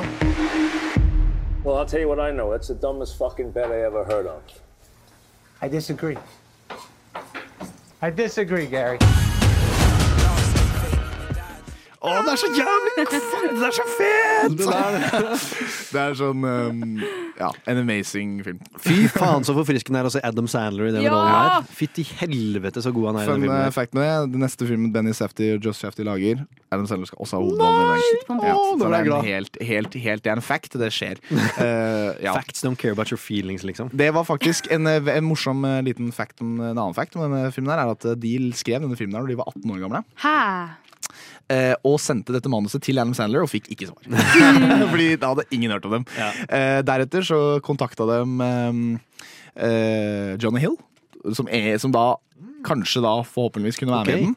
Det har vært kult. Jeg kunne sett det nå, egentlig. Ja, Det fikk heller ikke gjennomslag. Eh, så da endte de opp med å skrive eh, en annet, eh, noen andre filmer istedenfor. Så da Mm. endte de opp med å lage eh, eh, ganske mange andre filmer en stund. Så når de da fikk endelig kapitalen og navnet sitt på, på bordet, da kom eh, Adam Sandler. Og o store Adam Sandler, som er så jævlig vanskelig å få tak i. ja. Han er med i alt. Ja, han det. Eh, Men han lager jo alle filmene sine selv. Han lager alt, Yeah. han lager bare filmer med vennene sine. Det er liksom hans rykte. Det er også veldig gøy at han i denne filmen også, og i alle andre filmer så har han alltid de deiligste damene i industrien. Liksom. Det skal liksom bare være de toppmodellene, og det skal Det er bare være. Det er Sofia Vergara, og Det det er for Salma Hayek, og det er Julia Fox og Ja. Ja, Det er ikke måte på. Julia Også- Fox er vel debuten sin i Ja. filmen. Ja. Det er også veldig ja. karakteristisk fordi at de liksom tar med så mange som egentlig ikke er skuespillere i det hele tatt. Julia Fox, Ja. Modell. debut. Keith, eh, han eh, Med Keith Stanfield, ja. Han, er, eh, han er jo da Han var jo litt kjent, men ikke Ja. i nærheten av kjent. Og Kevin Garnett spiller bare Kevin Garnett, som er jeg sant. elsker. Men, men nå tenkte jeg mest på Keith William Richards, tror jeg han heter. Han som spiller han derre mafiabossen. Ja, ja. eh, Eller ikke, ikke Arno, men han Han andre, ja. ja, Og han spiller så jævlig godt! Han spiller bra. Jeg digger han i den filmen der. Altså, eller, Han spiller jo også brother-in-lawen hans, er det ikke det? Nei, det, er- det er Arno, han der, han Ja. gangsteren. eh, Det er- han- det er han gangsteren, ja. pa- Hva skal jeg si, pappagangsteren, Ja, nei, du snakker om han andre, ja. Som har ja. gunneren. Han er torpedoen. Han, ja. Torpedoen Han er er ekte er torpedo. Og han, jeg syns han nå spiller jævlig godt i den. Altså, Ja. Men eh, nå snakker vi litt mye om han. Da. Altså, generelt så har det jo veldig mange som bare ikke er i film til vanlig. Altså ikke skuespillere, eh, eller folk, bare ekte folk, på en Den måte. Den gullsmedsjappa også, den er eid av han assistenten hans. Er det det? For real. Så han er, han er assistenten som får skjorta si revet opp, eller noe, eller og Ja. han som blir banka litt opp. Og sånn. Han, hans sjappe. Det er veldig gøy. Jeg tror det er det som gjør alt av Safety Brothers så sykt ektefølt. Jeg føler at karakterene er ekte karakterer. For det første fordi de som er skuespillere som blir casta, spiller kjempebra. Mm. Og fordi manuset er jobbet med på en måte som jeg tror Det er ikke teatralsk i det hele tatt. Jeg tror på dem. Det er sånn folk snakker, i hvert fall i stressende situasjoner hvor alt handler om penger, og replikkene jages jo hele tiden. Men, men vi nevnte det også off-cam at karakterene er veldig sånn det er ikke så mye annet enn at de eh, finner på noen karakterer, og så er det sånn Du har dette målet, du har dette målet. Dere skal komme fra A til B. Men du Hvordan- har disse utfordringene, og det kommer til å skape så sinnssykt mye konsekvenser for deg. Mm. Fordi eh, Howie har jo dette målet om å få tilbake opalen, men han har jo også helt sinnssykt mye gjeld fra tidligere. Det er derfor han er em, jaktet ned av torpedoer. Ja. Og så eh, bør han jo absolutt bare betale tilbake denne gjelden. Og han har egentlig muligheten til det, men han lider også av spillegalskap. Ja. Så hver gang du liksom tror at ah, nå klarer du nesten, nå, har du, nå, liksom, nå løser alt seg. Akkurat Mm. der, nå har du muligheten til å betale tilbake. Alle, det kan løse seg. Så gjør han et eller annet helt på trynet dumt og vedder helt sinnssykt mye penger eller pantsetter ringen til som ikke er hans ring. Ja. Og så sitter du der og bare er sånn Du, du ødelegger bare for deg selv. Jeg, jeg får skikkelig sånn PTSD fra pinballmaskinen på gamle Windows-PC-en for sånn gambling og sånn. Det er veldig, det er dritskummelt å se på. Men uh, det er veldig gøy å se liksom at de har De har liksom lagd denne karakteren, og så tror jeg de bare De har sagt det tidligere at de bruker liksom manus ikke så veldig religiøse og sånn, at de uh, vet uh, intensjonene til karakteren sin, og at de bare baserer liksom screenplay og manus og sånn ut ifra det. At det liksom eh, de, de, de nødvendigvis ikke følger eh, manuset så veldig, men de bare de vet hvilke valg han skal ta. Så da, da går det veldig mye mer naturlig. Karakterene bygges opp mer enn manus, da. Ja, Så ikke manus er veiledende, karakter er avgjørende. Eh, Det er, karakteren er det som står bak alle intensjoner. Så de vil heller at det, han Howard skal få det til som Howard, og ikke at det skal være, de skal finne ut akkurat hvordan han skal skrive ting. Mm. Eller hvor de skal skrive ut akkurat hans replikker. Radio Nova. Oh yes, da skal vi snakke litt mer om Uncut Gems før vi går eh, litt videre her. Eh, Denne filmen blir jo ofte mm, hva skal man si, beskrevet som et eh, to timer langt hjerteinfarkt. Ja. Hva, hva syns man om det? Er dere enig? Enig. Mm, Veldig sant. enig. Og jeg syns egentlig at alle karakterene her, med tanke på hvor mye de, de stresser, og hva, bare hvor intenst alt er, så virker det jo som at alle burde fått et hjerteinfarkt relativt snart. Det er jo Jeg syns det er bra, for at det, de, de prøver å lage karakterer som de vet hadde vært ubehagelige i virkeligheten, tror jeg. Mm. Det er ikke karakterer som eh, du ville funnet deg sammen med, på en måte. Ja, som jeg nevnte i stad. Det er ikke det er ikke én person i denne filmen som jeg hadde hatt et ønske om å tilbringe tid med. Nei. Jeg misliker alle karakterene så jævlig mye. De er, for det første så er mange av dem bare straight up dårlige mennesker. Ja. Men for det andre så er de sånn De er så slitsomme. Ja. De er så pesete. De har jeg vet ikke, jeg, ambisjoner på helt feil steder. Jeg Mm. orker ikke. Jeg, jeg tror gjennomsnittsalderen er sånn 35, men det bare Ja. ser ut som at alle er sånn 60. Fordi de, de er bare stressa hele livet. Det er liksom mye sånn petty arguments og mye spite. Mye, alt gjøres på trass, og alt er så veldig ork. eh, og vet, mot slutten så føles det jo ut som at det er veldig Hva var vitsen? Hva, Ja. Mm. hva, alt for litt penger og litt bravado og litt ego, liksom. Alt er bare sånn for hva? For å virke tøff, eller for, å, for, for, for the thrill of it all, Mm. eller sånn. Fordi ja, slutten er jo at eh, Spoiler alert, men eh, at eh, Howard eh, låser inne noen bouncers, nei, jeg mener noen torpedoer som sky- han skylder penger, fordi at han liksom da skal få dem til å se på en Celtics-kamp. Han har liksom put it all on the line. Da. Han har lagt alle pengene sine på dette her, og det er liksom alle disse tingene som skal klaffe. da, ikke sant? Det var jo ikke bare hans, det var Arno sine penger som han skyldte, så, og de har jo høsla på han i kanskje tre uker bare på at han skal ha den penga i dag. Og de torpedoene er ikke dag. vant til å få nei for et svar, Nei. og dette her er bare dråpen. da. Så Ja. Mm. når han da vinner dette jækla utrolige veddemålet, og har vunnet så mye penger, så blir han jo da skutt. Rett i fleisen. Eh, rett i fleisen. Eh, og en annen ting jeg vil nevne, er jo eh, musikken. Ja. Eh, og eh, begge, både Good Time og Good, uh, Uncut Gems er eh, laget av uh, komponisten One of Tricks Point Never, Mm. som er veldig eh, flink uh, musiker. Mm. Eh, og det her er jo det er mye repetisjon, og det er mye tekno, og det er mye Det, det setter seg litt sånn i hjertet ditt etter hvert. Du blir sånn, får, jeg får litt sånn angst av den musikken etter hvert. Nei, altså det, det er jo eh, fra åpningsscenen til liksom Kevin Garnett eh, eh, dukker opp i, i sjappa hans og sånn. Det tar jo kanskje 15 minutter, men gjennom hele den scenen her så er det bare sånn eterisk bakgrunnsmusikk som er veldig sånn Altså Hvis musikken ikke hadde vært der i for eksempel, eh, Det er en scene kanskje ti minutter inn hvor disse innkrevningshaiene, torpedoene, kommer og skal kreve, kreve pengene. Og det er egentlig ikke så mye Det er kanskje mye dialog, men det er mye skriking og sånn, og uten denne musikken så tror jeg ikke det hadde vært like intenst. Nei, det hadde blitt mer ubehagelig. Ja. og mer du hadde, du hadde, Jeg tror jeg hadde liksom glemt at jeg satt og så på noe som jeg skal liksom være litt underholdt av òg. Men med musikken så blir det nesten som sånn Oi, dette her er liksom kunst. Dette blir skikkelig kunstverk. Dette Det, er nå. sant. det, blir også veldig sånn lag med lyd. Det er sånn, den lyden bak som er, altså, eller musikken bak som er veldig sånn eterisk atmosfærisk. Og liksom, den lager ikke så mye ut av seg selv, men den, bare, den er alltid der. Som liksom, Det er sånn, eh, ikke white noise, kanskje brown noise, eller hva, hva søren man kan kalle De glemmer bare ikke det at eh, det du ser på en film, og en Ja. film skal ha klipp og lyd og eh, være og eh, aktivere deg. Mm. Ja. Og så synes jeg det er veldig kult at denne eteriske musikken brukes ofte over de jævligste, de mest stressende eller de bare de jævligste bildene. Mm. Helt på starten så får vi jo vite hvor denne opalen kommer fra. For den kommer jo fra Etiopia av noen gruvearbeidere der, og det er jo på mange måter en eh, bloddiamant som ikke er en diamant. Mm. For det er en fyr, jeg vet ikke om han dør, men han, beina hans Det åpner med at du bare ser Rett ut. inn på beinet Ja. fordi han har skadet seg nede i gruven. Mm. Uh, og så får vi bare fulgt med hele dette helt jævlige arbeidsvilkår og alt mulig. Mm. Du bare får en sånn følelse av Dette er jo helt grusomt, men så er det den eteriske musikken over når vi begynner å se opalen, og det gir oss opalen en sånn mytisk kraft på en rar måte. Det er det som skjer med Kevin Garnett når han ser på den. Han, han får sånn, han, du ser plutselig sånn barnebilder av Kevin Garnett og sånn, og det blir helt sånn der, what the fuck, den her, den, er- dette er noen magiske greier. Ja. Det er, jeg nevnte å si den, der, den gruvescenen i starten, det er sånn der, det minner meg om sånn der, en åpning til en sånn eventyrfilm eller noe. Så det, er alltid sånn type, sånn, det var det mest sånn tradisjonelle ved det hele filmen der. At det er sånn veldig tydelig sånn derre expos expository sånn eh, avslørings... Litt sånn Jurassic Park. Med en sånn merkelig Ja, det er sånn Indiana Jones-vibe Ja! over det, hvor han liksom finner en sånn liten gullstatue og er sånn Ja, det minner, Yeah. ja, det minner meg så sykt Starten når han om finner det gullkorset. Ja. Det minner meg veldig om åpningen til uh, Indiana Jones eller en Jurassic Park, eller Mm. noe, hvor du skal liksom bli sånn, ah, veldig sånn satt ut. Også, Ja. men så liksom eh, blir du dratt inn i dette her et, sånn eater, sånn rare kosmos-landskapet, og så kommer du ut av tarmen Ja. og, rump og rumpehølet til Howard, liksom.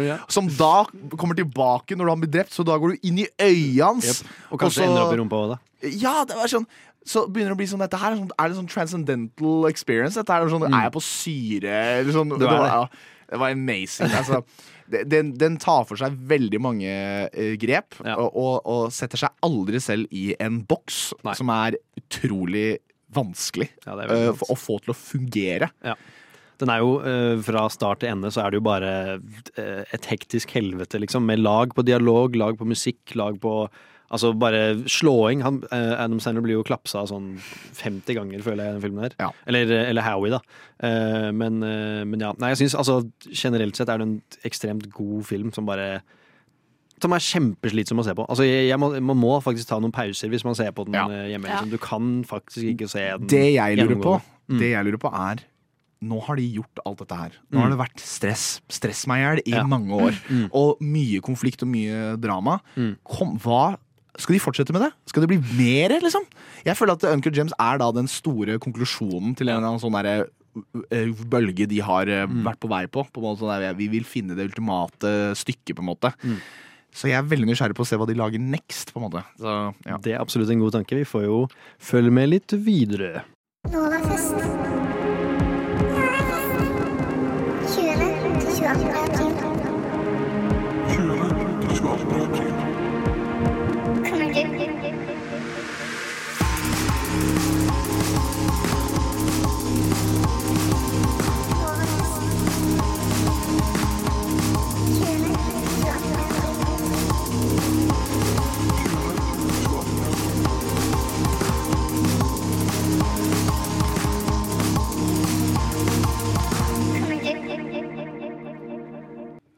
Hell yeah, du vet hva du skal 20. til 22. april. Nofest 23. Ok, men uansett, Vi skal bevege oss videre til kortfilm nummer tre. Siste kortfilm, eh, og siste gang vi prater om eh, filmene til Safety-brødrene. Dette er da Goldman V. Silverman. Det høres ut som en sånn wrestlingstemme. Ja. Goldman V. Goldman Silverman. Men det, det, da jeg eh, hørte om tittelen først, så trodde jeg det skulle være sånn, en, liksom en, en fake dokumentar om en bank eller noe. For sånn Goldman Sachs, er ikke det en jævla bank? Jo, jo, Ja. jo. Så jeg var sånn, ok, nå skal de lage en fet Litt sånn fucke, fucke med noen sånne finance bros. Og skal du lage en fet sånn uh, Silverman, er jo, Silverman og Goldman er jo også veldig kjente jødiske etternavn. Ja, selvfølgelig. Det gir jo selvfølgelig mening. Men uh, det er jo ikke det det er. Det er ikke en, bankfilm. Uh, eller kortfilm. Det er det ikke. Kan ikke du si litt hva den handler om? da? Eh, den handler om disse her jævla Nei, det er, sånne det er sånne gullmenn. Det er det beste Det heter jo Goldman og Silverman. Er Sånn som det står på Karl Johan. Ja, og så står de ofte og har liksom en sånn, sitter på en sånn stang, kanskje.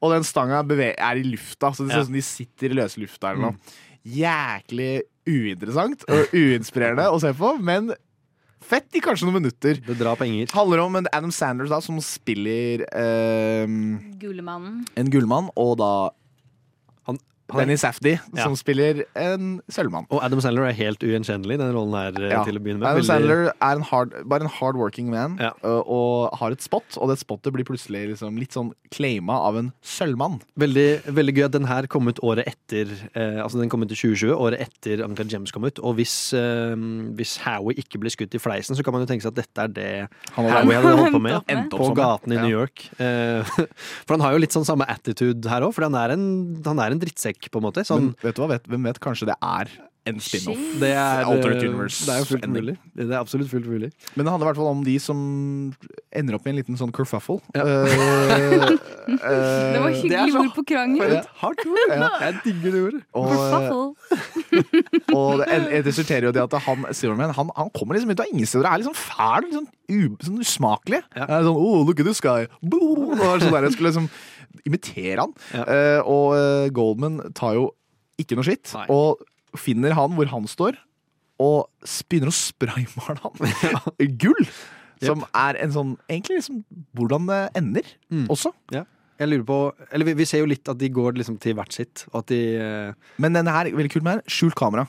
Nok Ja. en gang. Ja. Ingen som er med på dette her, annet enn de to. Bare noen som filmer, og that's it, liksom. Tenk eh, hvis du ikke har sett en Adam Sandler-film siden sånn 2014, da, så bare plutselig så ser du han på gata som en gold Som eh, en gullmann. Ja, så er det sånn, ja. Hva har skjedd med Adam Sandler? Er det Jeg vil si at eh, ved siden av Uncut Gems er dette her den beste filmen jeg har vært med i. Goldman versus det, Silverman. kan, det kan fullt Ja. eh. Men det er en veldig bra slutt på den, Ja. synes jeg, hvor han sitter på do Mm. og, og vasker av seg sminken. Og det er er da man sånn- ser at det er Adam Sandler. Ja, og det er litt sånn der, og du blir litt sånn uh, Wow. Han blir sånn Hey, someone in here! Ja. Og det er sånn er det er åpenbart et sånn offentlig toalett, da. Eh, Så han har liksom ikke engang kanskje et sted å bo. Mm. Eh, og så er det da Silverman som setter seg inni en varebil. Mm. Og så er sånn Er, er det der Silverman bor? Så det veldig sånn De har hver sin uh, hule, liksom. så du, og, og den slutter veldig åpent. Jeg forventa Ja. kanskje at den skulle ha en litt mer sånn øh, øh, konklusjon, men Mm. konklusjonen er jo egentlig det at de er litt, øh, lei, de er litt lei seg, begge to, tror jeg. Altså det, igjen, dette med hva hadde du å si? Han kunne Ja. bare stått der, så kunne de blitt venner isteden. Men Ja. isteden så går de hvert til sitt, og så er det like Så spraymaler han sølvmannen gull. Ja. Det er liksom noe Og det slutter med at sølvmannen er sånn Han "Faen, føler seg litt sånn der gull på ryggen?" violated, liksom. Ja. Men nå skal også sies at uh, det er jo Benny Safty, eller Silverman, da, sin, altså, det er han som uh, provoserer her. Det er han som Ja. står der bare sånn 'Du kan ikke gjøre greia di engang! Se på deg, ja, du er helt teit, og du klarer ikke en dritt'. Og så kommer han Goldman og er sånn 'OK, fuck deg, jeg har spraymaling'. Se uh, talk shit, get hit, liksom. Det, for meg er- det også bare sånn den perfekte sånn, Det er bare, det er bare sånn den perfekte demonstrasjonen av å krysse dokumentar med fiksjon. Det er så gøy at de klarer å få det til å føles bra ut. Og der er de gode, altså. Du lytter til Nova Når. Ei, ei, ei. Ok. Jepp. Vi har snakka litt om Safety, vi da, Safety-brødrene i dag. Det har vi gjort. Det har vært veldig gøy. Ja. Eh, Det har vært eh, lærerikt. Mm.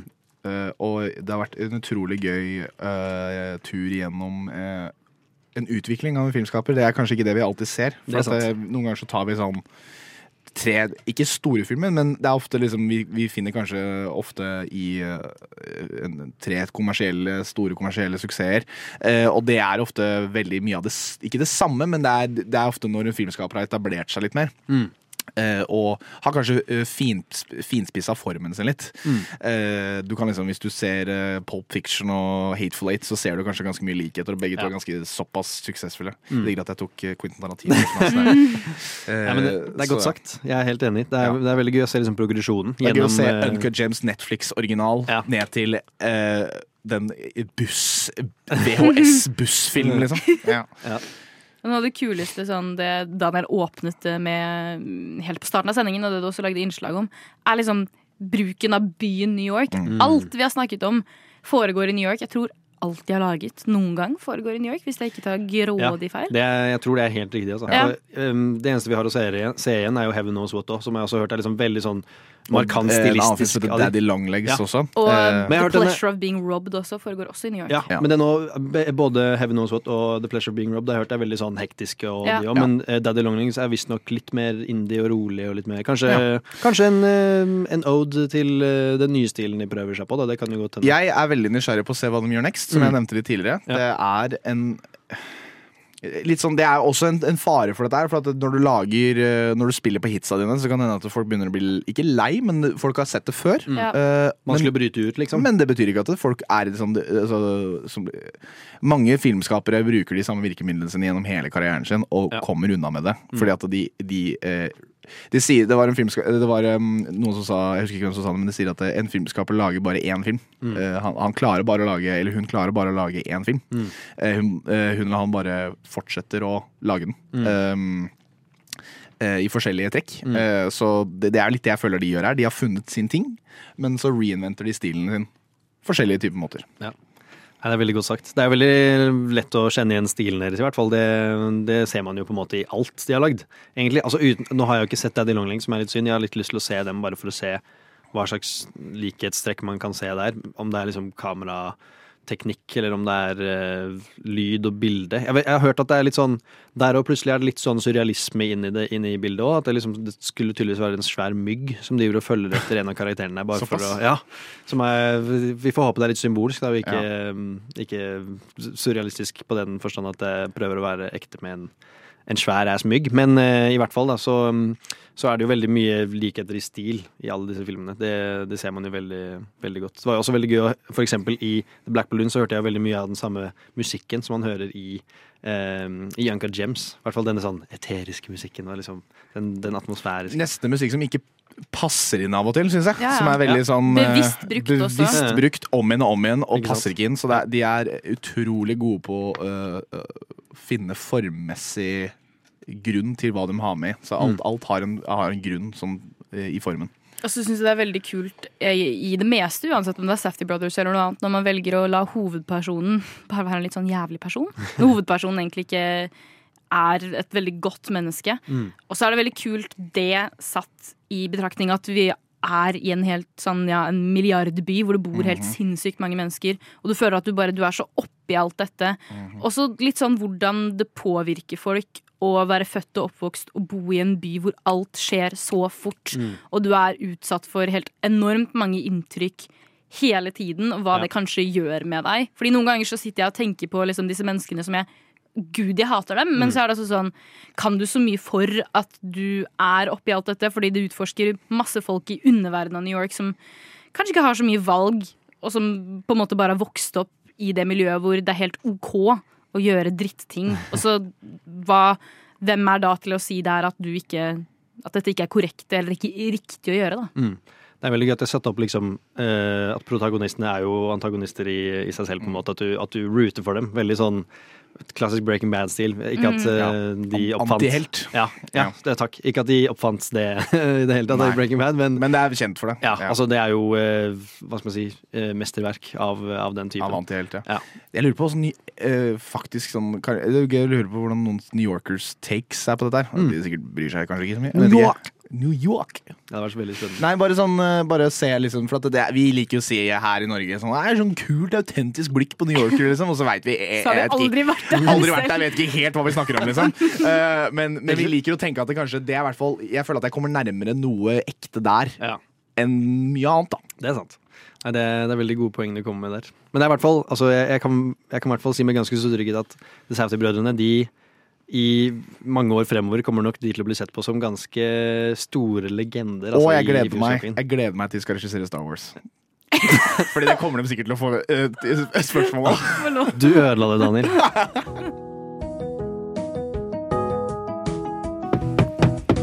Er Novo Noir hjemme? Vil de være med å leke en lek?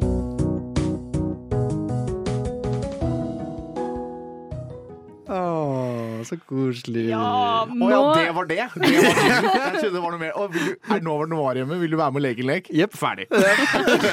Det. Det var Nå skal vi leke en lek, og vi skal leke eh, 20 spørsmål. Som betyr at eh, lyttere må også gjerne være med og gjette. 20 spørsmål fungerer på den måten at jeg tenker på en en film, og så skal Daniel og Kaksel eh, stille ja-nei-spørsmål annenhver gang. Eh, de har da 20 spørsmål eh, totalt til å gjette hvilken film det er. Eh, og jeg har valgt et sånt overholdent tema for de forskjellige Mm. filmene jeg har her. Og det er filmer som foregår i New York. Wow. Sånn at vi holder det innenfor New Yorks um, grenser, siden vi har hatt Safety det er sending. Er den filmet på Manhattan? Ja, eller er Bronx? Queens? Eller De geografiske kunnskapene ligger dypt der. Ok, um, jeg tenker dere bare kan uh, sette i Er det gang. annenhver, da? Ikke sant? Du begynner, Daniel. Ok, Er det um, Ikke gjett med en gang. Nei, jeg skal ikke det. Jeg skal ikke det. Er det- Er det en mannlig pro eh, protagonist? Ja, Ok, Så nå er vi på første film, da. Vi er, Ja. Det er bare én film vi tar av gangen? av gangen, ja. Ja, ok. Ehm, så det er mannlig, en, mann, en mannlig pro protagonist? Nei. Eh, er, det satt på, er den satt på både dag og natt? Ja. Er det, er det et team som jobber sammen? Ja. Er det regissert av en mann? Ja. jeg mener på det. Ja, ja, ja. Er det Avengers? Nei. Å, det hadde vært så gøy! Det kunne vært den første er Avengers-filmen. Den der er det. Nå har dere gjettet ti allerede. Ok, å faen. Hæ? Nei, Har dere ikke det? Er dere fem? Du lyver. Ok, Du lyver. Prank! Seks spørsmål, sorry. Eh, det er vanskelig å telle mens jeg er det, Vi jukser. Uh, er den, er det, er det, Kjører du mye bil? Uh, eh, Ja. Er det- Det er sykt lenge siden jeg har sett den. Jeg Er det, er det Spotlight? Nei. Er den satt på 80-tallet? Ja. Er det Ghost, Ghostbusters? Nei. Hæ? Et team på 80-tallet? Nå er dere på ti. Uh, er det eh, er, det, er det noen Er det noen uh, Jeg mener på at det er på 80-tallet. Nå må, vi, nå må vi bruke vår kollektive hjerne her, på, Daniel. Jeg klarer ikke å Er det um, Er det ikke 80-tallet? Er er den fra 80-tallet eller ikke? Kom igjen. I New York? Når den kom ut, eller når den eh, Når den ut. utspiller seg? Å ja, nei. Den kom ikke ut på 80-tallet. Er den fra 90-tallet? Ja. Er det en actionfilm? Mm, ja. Jeg, jeg har ingen Actionfilm. Hvor mange spørsmål er det på? ikke actionfilm. Okay. Er det en komedie? Nei. Men den er lol. Den er LOL. Er det Ghost... team? Okay, er det, Tar jeg det for bokstavelig når jeg spør om et team, liksom? Litt, men også ikke. Hmm. Og det er ikke Ghostbusters? Det er helt gærent. Uh, er det Men ikke tenk team Nå hinter jeg litt. Ikke tenk team som uh... ko- ko- På lag, liksom? Ja og nei. Det er vanskelig å justify Er det spørsmål. Stuart Little?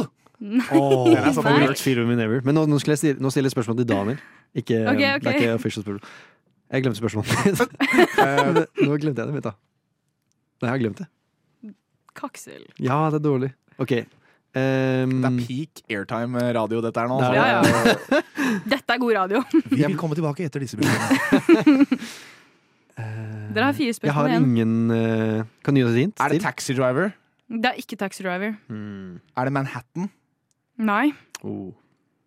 Er. Dere har så garantert hørt om den. Det er en quotable film. Et team oh, uh, Jeg vet ikke om den er satt i New York. Prøver, Dead Poets Society den er ikke det, da. Nei. Den er ikke satt i New York. Den er satt i sånn Er det Dere har ett spørsmål igjen. Oh my god. Er det Soul? Nei. Det er Goodfellas. Oh my god! Å, det er flaut! Oh, Det er flaut, ja! Å, det er flaut! Å, det er dritflaut. De er jo team, de. Jeg så Goodfellas Ja, for eh, en måned siden. Det er, altså, det er, det er flaut, ass. Jeg holdt på å gi dere hintet. De lager er- tomatsaus, men det føler jeg hadde Ah. vært altfor Hvilke grove. filmer er satt i New York? Kanskje alle mafiafilmer ja. noensinne da. Jeg, jeg, altså, med en gang Jeg tenkte jeg skulle ta den først. Jeg tenkte den var så Herregud. obvious. Du er uh, veldig lur, uh, og vi er skikkelig dumme. Ja, Kjempedumme. vil du ha en til? Ja, men hvis vi ikke klarer å gjette Goodfellas, så tror jeg vi er på dypt vann Da her. er vi på jævla dypt vann. Ok, jeg, jeg står mellom liksom to Jeg vet ikke om vi har tid til to filmer til. Jo da. Okay. Vi, kan, vi kan ta én til, i hvert Ja. Um, ja. Eh, ja, jeg tenker var på en film. Ja, kom igjen. Eh, vi må spørre. Uh, er det satt i, i New York?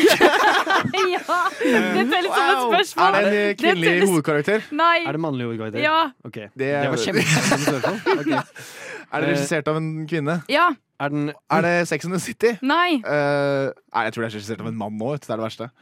Er det det? Det er mulig. Ja. Det er regissert av en kvinne. Ok, jeg må slutte å Jeg, jeg tenker så begrensende med en gang. Jeg tenker, da tenker jeg på alle kvinnefilmer. Ok, vent da. En, to Nei, jeg tuller. Men eh, Nei, øh, er det mm, Er det satt på 80-tallet? Ja. Oh my god. Kvinne. Oh, When Harry Met Sally? Nei. Nei, den er satt i New York. Faen. Hæ? Um, er det eh, Er det kjærlighetsfilm? Nei. Er det actionfilm? Er det action? Ja. Nei.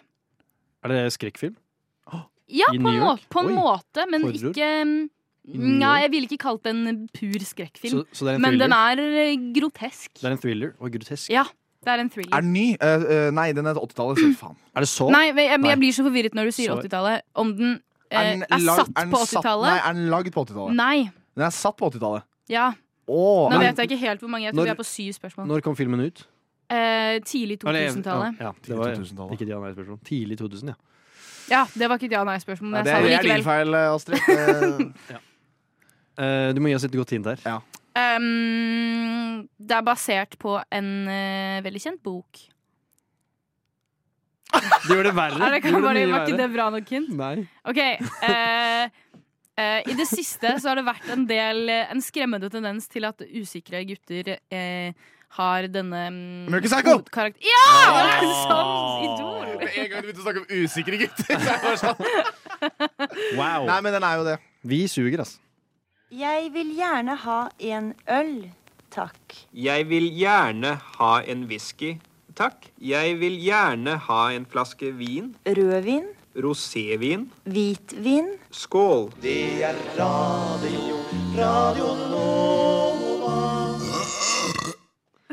Jepp.